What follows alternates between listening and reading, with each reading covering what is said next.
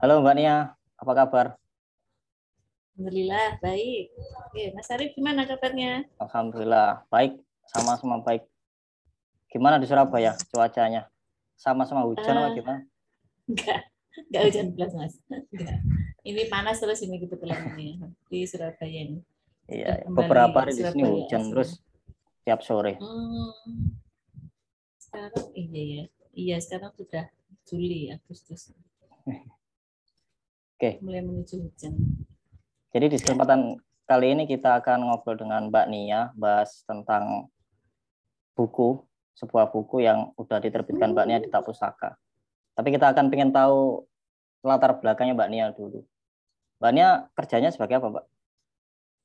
Oh iya, baik. Bismillahirrahmanirrahim. Saya, saya kerja guru. Saya Guru. guru SD di sini, di apa namanya di daerah Sukolilo Surabaya. Oh, gitu. Berarti tiap harinya interaksi sama anak-anak ya? Iya, betul. Sejak kapan ya itu? Sejak 2008 pokoknya saya ngajar. Oh, Sejak, udah sejak anak saya yang pertama bayi sampai sekarang sudah SMP kelas 8. 14 tahun ya Mbak Nia ya? Ya, kurang lebih cukup- sekitar cukup 14 lama. tahun. Iya. Anaknya dua ya Mbak Nia? ya, Dua. alhamdulillah dua. 14 sama 10. SMP semua ya? Yang nomor dua masih kelas 5. Kelas 5. Oh, masih cukup. naik, naik kecil. kelas 5. Iya, ya, iya. sudah mulai remaja-remaja gitu deh, sudah mulai kritis-kritis gitu pokoknya. Udah mulai itu ya mengenal merah jambu. Yang anak Iya. pertama. Oh, udah, udah lewat kalau itu, udah lewat maksudnya dia sudah stabil dengan perasaannya gitu ya. Yang nomor dua ini yang yang masih bergejolak dengan lawan jenisnya. Ya saya sih berusaha untuk cool aja kali ya, cool gitu ya. Dulu kan juga pernah lah. Saya juga dulu gitu gitu. Jadi Iya. nggak terlalu apa ya awkward gitu ya Mas ya. Mungkin cuma bisa ngasih saran kali. Biar Iya, nggak iya. terlalu over. Mm-mm, mm, betul. Yang penting Ya. dia cerita sih kalau saya tuh, yang penting biar dia cerita dulu. Gitu. Benar, benar. Kalau kita sudah sudah apa ya keluar tanduknya gitu kan nanti takut nanti cerita lagi sama uminya ini. Terus kita ngomong-ngomongin tentang menulis Mbak Nia. Iya. Tentang menulis. Kan ini temanya tentang buku ya, kita ngobrolinnya. Awal menulis Mbak Nia kapan? Menulis buku atau menulis sesuatu yang bukan bukan sifatnya bukan formal gitu. Sifatnya bukan formal. Heeh, Buku ya. heeh. Jadi Kayak kalau- misal buku, misal ikut Heeh, kompetisi menulis cerpen, puisi gitu. Oke, jadi sebenarnya kalau aktivitas menulis pertama saya di usia dewasa itu 2010 sih sebetulnya. 2010 itu waktu itu kan sekolah saya ini kan anu ya. eh, sekolah saya itu pengen membuat modul bahan ajar sendiri untuk internal. Hmm. Sehingga kemudian ya saya waktu itu juga masih belum punya pengalaman nih sama-sama belajar dengan guru-guru yang lainnya untuk membuat bahan ajar Hmm, ya, tematik ya. sih waktu itu. Jadi satu bahan ajar itu dua orang. Terus akhirnya sudah berhasil, senang gitu ya Mas ya, oh, aku ada di buku gitu ya. Padahal ya sebenarnya untuk untuk internal saja sih sebetulnya waktu itu. Untuk, untuk internal sekolah gitu. Jadi kita kan punya idealisme gitu ya. Buku-buku eh, sesuai dengan visi misi sekolah gitu. sehingga kita membuat sendiri seperti itu. Nah, Terus akhirnya terus berkembang lagi modul tematik kelas 5, kemudian bahasa Inggris. Terus kemudian karena sudah sudah terbiasa, mungkin ya misalnya bukan terbiasa ya, sering jadi tim penulis akhirnya editor bahasa Jawa, semua macam-macam pokoknya saya kasih amanah itu. Sampai sekarang sebetulnya untuk menulis bahan ajar. Hmm, berarti awal un- awal mulanya di dunia kepenulisan itu justru dari sekolahan ya, nulis bahan ajar. itu. Betul. Betul, iya. PD-nya dari situ. Jadi kalau kalau suka menulisnya sudah lama, cuman ya ya itu nggak PD, nggak PD. gitu. Oh, oke. Kalau untuk menulis Tipenya- keluarnya Mbak Nia, misalkan Hmm. ikut kompetisi menulis gitu. Eh, kalau menulis populer yang sifatnya bukan bahan ajar, ya Hmm. sejak kurang lebih tiga tahunan ini sih sebetulnya. Oke. Sebetulnya juga apa ya Mas ya? Eh, saya tuh orangnya tahu lah kualitas diri saya gimana nulisnya gitu ya.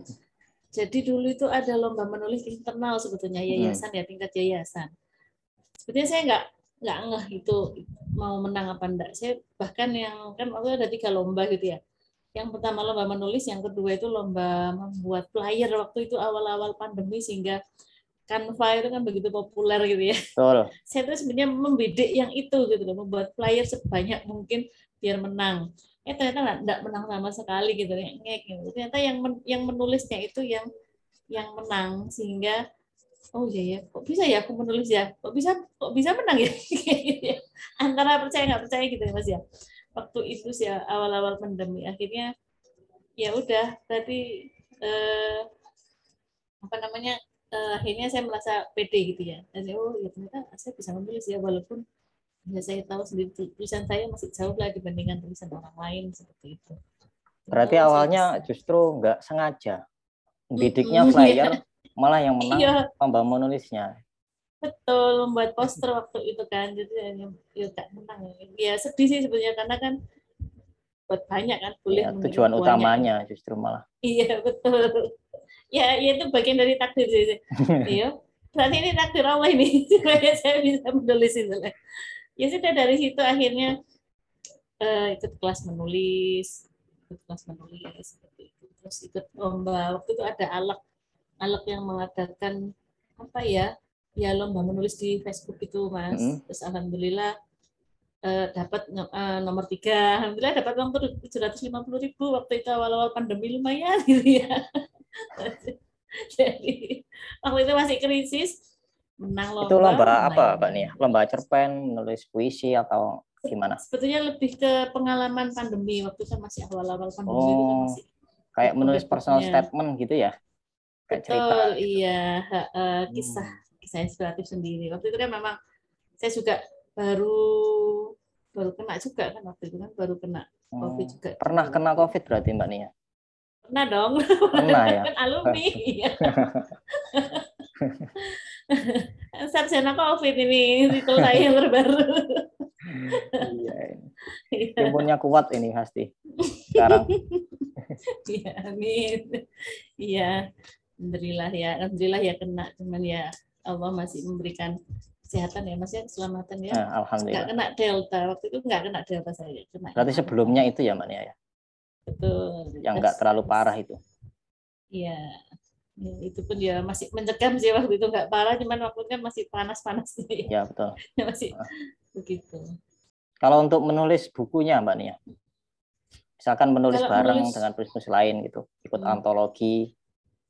Uh, ya, jadi kalau antologi itu 2020. 2020. 2020-an.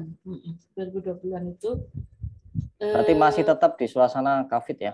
Iya, waktu itu kan ikut kelas menulis ya, hmm. kelas menulisnya Bu Umi. Jadi penulis dari Jombang juga mungkin ya, mungkin barangkali kenal ya Bu Umi Kulsum. Jadi guru SMK SMK negeri gitu ya. Terus beliau Wah, itu juga kebetulan saya nggak kenal nih. menulis. Iya. Boleh dikenalkan ini. Orang FLP kok, FLP Jombang dia kan. NLP. FLP. FLP. Forum Lingkar Pena, komunitas menulis penulis gitu ya. Oh, Dan cabangnya iya, iya. di Jombang. Ya itu dulu itu ikut itu sih mas. Terus kemudian antologi, akhirnya bisa menulis antologi. Cuman kan cetaknya lama gitu ya. Saya ini saya nyoba lagi ke Instagram. Jadi saya, saya kan punya, ya saya merasa bahwa ini adalah senjata saya gitu. Saya bisa mencari apa pun dari sini gitu. Betul, termasuk betul. termasuk ini ya proyek-proyek antologi di antologi pertama kali setelah ikut kelas menulis itu yang yang diadakan nulis yuk punyanya Jeluvina. Oh, iya, iya. Barangkali hmm. pernah. Nah, itu, itu saya, saya follow juga itu. Iya, iya. Banyak kan banyak kelas, yang datang dari sana. Iya, kelas nulis gratis kan itu. Ini saya coba. Ternyata kok, oh iya, ternyata tersaring. Alhamdulillah senang gitu ya. Buku, wah, antologi pertama. Rasanya juga senang banget gitu ya. masih belum kepikir buku solo waktu itu karena masih jauh ya, ya bisa betul. masuk ke antologi itu kan ya alhamdulillah Kayak itu mau kir nama dulu gitu ya mbaknya betul iya ya jadi step step tangga yang harus saya lewati itu benar-benar dari awal dari nol gitu ya masalah masalah buku-buku yang populer gitu ya seperti itu. Jadi antologi antologi selesai apa ya oke antologi yang berlomba yang ada lombanya. Kalau kemarin kan nggak ada lombanya yang ini ada lombanya. Terus kalah terus kalah lagi. Kok hal ya. yang cuman akhirnya nggak apa yang penting punya portofolio antologi tambah banyak gitu ya. Oh, menang ya mas? Gitu ya awal sempat ah kok kalah sih? Apa memang aku nggak bagus kali ya? Udah sudah deskrip gitu lah waktu itu ya ya banyak sih kelas menulis yang saya ikuti gitu. Jadi eh, banyak sambil jalan sambil belajar ya mbak ya? Betul. Ya iya betul. Itu yang itu yang saya ini. Jadi nanti nggak menyerah gitu ya kalau okay. kalah gitu. Sebelum sebelum mbak Nia ngirim naskah Arin waktu itu saya cek di portofolio hmm. pernah nulis buku solo ya? Iya, waktu itu yang pertama itu. Buku apa Mbak Nia judulnya? Buku judulnya Guru Galak. Guru Galak. Judulnya Guru Galak, iya enggak ada ya. Oh. Saya enggak. Oh, di, um, Tentang apa Guru itu? Galak?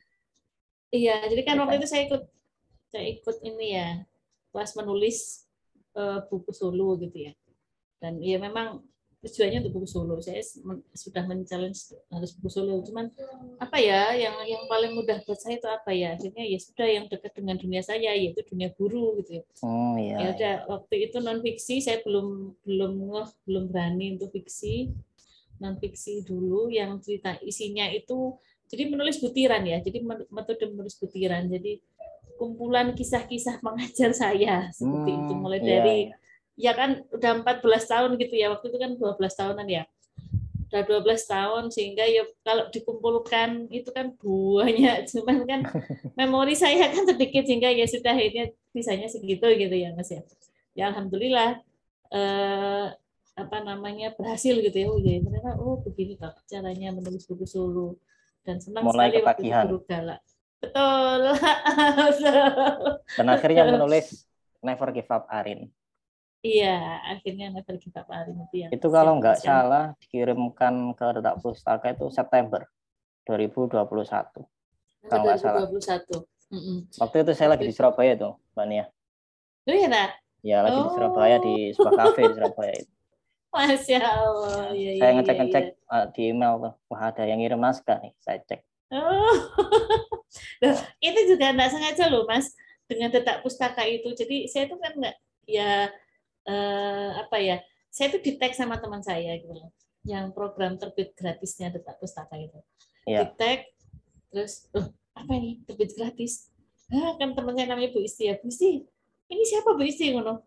Ya nggak tahu bu. Pokoknya saya aku ada iklan itu di berandaku terus langsung tak kirim ke anti. Aku ingat anti gitu. Masya allah. Gitu ya gitu. ini saya pelajari itu tak pustaka oh iki apa ya? Saya saya apa ya? Oh begini ya ya saya pelajari di mana ya? Gratisnya itu. Terus kemudian saya japri-japri itu kan harus itu akan benar-benar gratis atau bagaimana? Ya ya kalau kepilih gitu. saya nggak tahu pede aja ya pede jauh kepilih lah. Sih itu, itu ya. waktu itu dihubungin setelah berapa hari ya mbak ya? Saya lupa sih saya lupa sih berapa berapa hari itu ya. Nggak lama saya kira nggak lama waktu itu Gak lama ya waktu itu ya. Ya alhamdulillah senang Mas dapat email balasan apa email Japrian itu dulu. Email. ya Allah, email, email ya. Ay, ya senang ya sudah. Alhamdulillah. Ya tahapan berikutnya setelah apa ya Indi di Guru. Itu. Waktu ya. itu kan kebetulan saya yang baca. Saya baca hmm. CV-nya. Emang yeah, iya. dikirim naskah itu saya wajibkan ada beberapa dokumen Salah satunya CV, bukan, bukan CV penulis sebenarnya itu, tapi CV tentang keseluruhan. Ada penulis, ada naskah. Dan kebetulan waktu itu cukup lengkap. Makanya saya baca kayak tertarik gitu. Oh Memang iya sih. Jelas, terus siapa yang baca udah jelas gitu. Terus saya baca sinopsisnya oh. juga, wah menarik ini. Akhirnya, wah ini kayaknya bagus. Alhamdulillah, iya. Alhamdulillah, ya Allah. Sebenarnya kalau kalau tahu sejarahnya apa menulis ini tuh aduh gimana ya? Aneh pokoknya mas. Jadi saya itu kan orangnya nekat ya. Saya tuh orangnya tuh nekat. Jadi itu saya tuh dari dulu pengen punya novel. Saya pengen punya novel. Nah, gimana caranya gitu loh. Terus hmm. di kelas menulis yang waktu itu saya ikut itu nggak ada sebetulnya materi tentang novel itu belum ada. Cuma saya tuh pengen nulis novel itu ya udah saya nulis aja. Terus saya baca di di platform menulis novel itu ya online itu ya lah kok yang apa, ya? waktu itu saya di KBM KBM KBM saya baca baca. Kok kayaknya mudah ya? Kok kayaknya mudah ya? Oh aku pasti bisa deh kayak gini. Saya cuma gitu aja sih. Modalnya saya pasti bisa kayak gini. Ya sudah akhirnya nulis Asal nekat aja ya. Pokoknya nulis dulu gitu. Betul betul gitu. Ilmunya belum dapat so don't tell. Apalagi itu belum dapat gitu. Baru kemudian setelah jadi saya ikut kelas menulis novel baru tahu kesalahan saya itu banyak. Baru saya bongkar semuanya saya ganti semuanya. Oh gitu Berarti ya? waktu itu sebelum oh. ngirim udah hmm. ini ya udah dikoreksi dulu sama Mbak Nia ya? Sudah sudah ya. sudah banget berarti sudah, nulisnya ini kapan Mbak Nia? Proses nulisnya? Awal uh, nulis. nulis. Sih itu September ya? Saya tuh bongkar-bongkar itu kalau nggak saya Agustus September itu. Eh, Juli Juni Mei. Mungkin Mei kalau nggak salah. Mei ya. Mei ya. Okay. April Mei itu mulai nulis. Berarti li empat bulanan lah sebelum dikirim. Mm -mm, mm Jadi okay. memang bongkarnya banyak karena memang ya itu tadi pokoknya saya tekad itu dulu. Tekad nekat apa nekat ya mas ya? Kan Surabaya kan bondo nekat mas ya. Harus nekat. Iya jadinya ya ya begitulah iya iya menarik memang. untuk novel Arin. Sebenarnya untuk novelnya ini apa yang mau disampaikan Mbak Nia?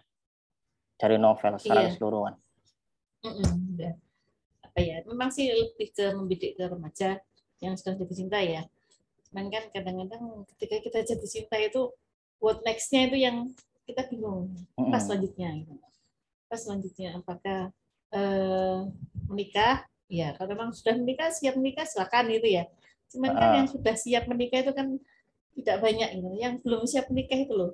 Harus Benar. dikasih tahu jalannya gitu. Oh, jalannya itu berarti bagaimana, secara market itu bidiknya remaja yang belum siap menikah gitu ya? Tapi mau Betul. Uh, uh, mau ya, menjalin hubungan. Betul. Kalau yang sudah siap menikah kan sudah dewasa muda kayak gitu gitu ya okay. ya pengennya sih gitu sih mas ya memberikan ini ya memberikan banyak cara ya. Banyak iya. banyak solusi sih untuk remaja. Ya ya salah satunya lewat novel itu. Saya baca memang banyak edukasinya. Hmm. edukasinya lebih melalui ke cerita gitu. Semacam di cerita itu dikasih contoh apa aja yang perlu dilakukan oleh pembaca untuk biar nggak salah gitu ketika kita memasuki masa remaja. Benar begitu ya mbak Nia ya? Hmm, hmm, hmm.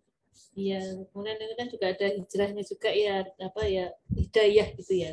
Benar benar. seorang dapat hidayah itu bagaimana menggenggam hidayah itu tadi. Iya kemarin Mas, ada beberapa follower yang nge-repost itu. Katanya senyum sendiri. Iya. Sepertinya relate iya, sama, iya. sama dia iya relate dengan ya ya relate dengan kehidupan remaja gitu ya dengan SMA yang yang iya. kalian menjadi garis bawah alhamdulillah saya lihat dia masih SMP kok mbak nih. Masih SMP hmm. salah satu penulis terpilih juga dia. Nanti bukunya terbit cuman puisi kumpulan puisi. Masya Allah. Oh ya memang itu ya, ya. Postingannya saya sering baca wow kok bisa ya, ya. sehalus gitu ya? Saya itu ya masih SMP nah, itu potensi ini harus dikembangkan. Betul. Betul betul kopian SMP sering kamu masih cinta-cinta monyet kalau saya waktu ya, SMP itu. saya saya dablek dablek ini masih belum bisa berkarya Terus di bukunya ini kira-kira hmm. kalau orang rema, orang dewasa gitu seperti saya misalnya, hmm. kalau membaca kira-kira nilai apa yang bisa saya ambil mbak Nia? nilai apa yang bisa diambil ketika uh, yang baca misalkan orang-orang dewasa gitu yang nggak lagi remaja. Yang nggak lagi remaja. Jadi ini kan ada orang tua ya. Jadi ke uh, apa ya orang tuanya Arin ya. Orang tuanya Arin. Nah itu kan begitu terbuka sama anaknya itu ya. Begitu dia itu dekat dengan anaknya. Sehingga anaknya juga dekat dengan si Arin. Bahkan beberapa kali tuh ada Yusuf tuh kayak gitu kan beberapa kali ibunya godain gitu ya. Itu kan berarti menunjukkan dia kedekatan si si ibunya itu dengan eh, dengan si Arin. Begitu juga dengan ini eh, bapaknya Yusuf yang beliau kan juga ini ya single parent ya kalau bapaknya Yusuf ya. Juga sama ya jadi kedekatan dengan si anaknya itu menjadi kunci. Supaya ya kalau misalnya parenting itu kan memang bonding dengan orang tua itu kan penting sekali seperti itu. Betul, Kalau dilihat dari sisi ke orang tua. Oke, berarti ini cukup kompleks ya sebenarnya ceritanya. iya. Bukan iya. hanya tentang percintaan remaja, tapi juga parenting juga. Jadi secara Betul, market ini iya. udah, udah udah luas sebenarnya. Buat remaja masuk, hmm. buat orang tua juga masuk. Iya, betul ya, betul ya. ya. Menarik. Bahasa, bahasa yang saya pakai kan juga bahasa yang sederhana gitu ya, maksudnya nggak benar, benar. Nggak terlalu Bahasanya membingungkan santai. gitu ya, bahasa ya bahasa storytelling gitu kan ya. Kira-kira untuk hmm. pembaca, Mbak Nia mau apa untuk mereka? Misalkan udah beli, digunakan untuk apa? Kan banyak banget nih nilai yang bisa diambil. Nilai kunci yang harus ditanamkan ke diri mereka itu apa? Apakah iya, tentang iya, percintaannya atau tentang kehidupan dengan orang tuanya harus terbuka atau bagaimana? Oh iya, sebetulnya nilai kuncinya adalah ini menempatkan cinta ya, menempatkan cinta yang sebenarnya. Jadi cinta kecil itu kan cinta kepada sesama ya, dengan lawan jenis, dengan ya, dengan lawan jenis dengan sesama manusia itu kan cinta yang itu. Jangan sampai mengalahkan cinta yang besar seperti itu. Cinta yang besar itu ya ya cinta kepada pencipta kita Iya, iya. Itu benar, benar. itu yang itu itu yang mungkin ya tadi ya kata kunci ya kalimat inti. Seperti itu. Yang sampai mengalahkan cinta yang besar. Iya iya. Ya kan? Ya ya sebanyak langsungnya dalam kehidupan kita kan kadang-kadang seperti itu. Oke. Uh, kalau dari judulnya mbak Nia never hmm. give up Arin. Kalau diambil dari judulnya aja nih misal orang lihat bukunya wah hmm. judulnya ini nih. Apa? Ya kan apa nih buku ini tentang apa nih? Secara satu kalimat aja deh. Apa yang mau yeah. buat give up-nya apa Arin? Arin kenapa gitu? Oke, okay. kan memang judulnya kan jangan menyerah Arin itu ya kalau di bahasa yeah. Indonesia kan ya.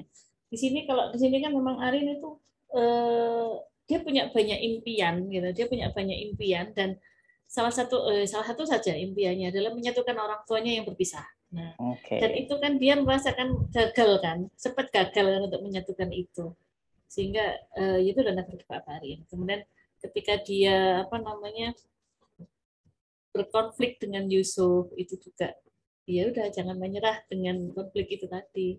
Juga okay. ketika dia harus di akhir sesi dia harus memilih gitu loh mana yang harus dipilih untuk menjadi pendamping hidupnya. Itu juga uh, dia apa namanya pesan bahwa untuk tidak boleh menyerah dengan masalah-masalah yang ada okay, okay. dalam Oke, berarti ini secara inti sebenarnya ini masalah keterpurukan ya. Gimana caranya kita bangkit dari keterpurukan itu. Iya. Dan di buku ini menawarkan banyak solusi dengan iya. berbagai dilema cerita yang ada di dalamnya. Keren sih. Ini sama seperti ini, Mbak Nia. Kalau di drakor itu saya ada dua film yang saya suka. Waduh. Terakhir itu ya saya saya saya tonton tuh 18 Again tahun 2020 sebenarnya, udah lama. Hmm. Ini dramanya tentang family, kurang lebih sama. Menyatukan orang tuanya, terus gimana cara menyikapi percintaan, kurang lebih sama kayak gitu. Hmm. Cuman bedanya ini islami. Hmm. Lebih segmen. Malah gak ngerti mas. itu. Iya, iya, iya, iya. iya. Gak pernah sih nonton drakor. Mas drakor itu keren Mbak Nia. Apalagi drakor yang parenting. Wah itu bikin nangis. Saya dua kali bikin nangis sama drakor itu, parenting tapi. Tapi kalau percintaan itu wah, nggak nggak terlalu kurang menarik. Oh, gitu ya, yang lebih ke ini ya ke orang tuaan gitu ya. Benar. Hubungan orang tua dan anak gitu ya. Benar. Kalau teman-teman di sini ada yang sering nonton drakor family, itu pasti akan relate dengan bukunya Mbak Nia. Ada Jadi unsur family-nya, terus ada unsur percintaannya juga ya Mbak Nia ya. Cukup lengkap. Kalau okay, okay. Kalau kita ambil banyak cerita pasti di cerita apa pun horor, komedi hmm. pasti harus ada satu selipan kisah cinta. Dan di buku ini sudah ditawarkan. Terus untuk pembeliannya di mana Mbak Nia bukunya? Untuk beli buku bisa langsung ke link web apa ya websitenya Duta Pustaka. Kalau di bio bio apa bio saya sudah ada linknya itu di Mia Street Instagram itu ada ada bio-nya ada linknya bisa langsung klik di situ untuk langsung ke landing page-nya Oke. website Duta Pustaka. Oke, harganya juga masih cukup terjangkau ya. Oke, saya, saya rasa cukup ya Mbak Nia ya untuk diskusi kita kali ini. Kesimpulannya, buku ini sangat cocok untuk kalangan yang cukup luas, untuk remaja cocok, untuk orang-orang dewasa cocok, apalagi untuk orang tua. Ini cocok banget Iya, iya. untuk edukasi gimana cara memperlakukan anaknya biar anak itu terbuka dengan kita. Soalnya Iya, kalau kita memahami anak, kalau kalau mereka nggak cerita, gimana kita tahu masalah mereka? Gitu. Itu juga sama. Poinnya sama seperti drakor yang baru-baru ini saya lihat. Keterbukaan itu akan membawa ke- keharmonian di keluarga, termasuk masalah cinta tadi. Jadi buku ini menawarkan banyak solusi, banyak masalah yang dihadirkan dan solusinya juga banyak. Makanya judulnya Never Give Up Arin. Jadi Arin dikasih masalah untuk diselesaikan. Iya. Menarik. Oke teman-teman untuk yang mau beli nanti linknya saya taruh di deskripsi video. Kalau ini di share di TikTok ataupun Instagram nanti juga saya sertakan linknya. Bisa diklik link bio kalau ini ada di TikTok ataupun Instagram. Lalu pilih eh, toko buku ataupun Never Give Up Arin. Pasti ada di sorotan nanti. Oke, terima kasih Mbak Nia untuk waktunya. Sama-sama. Terima kasih Mas Ari. Eh, lain kali kita bisa ngobrol bareng. Boleh, boleh, boleh ya. Oke. Terima kasih Mbak Nia. Sama-sama.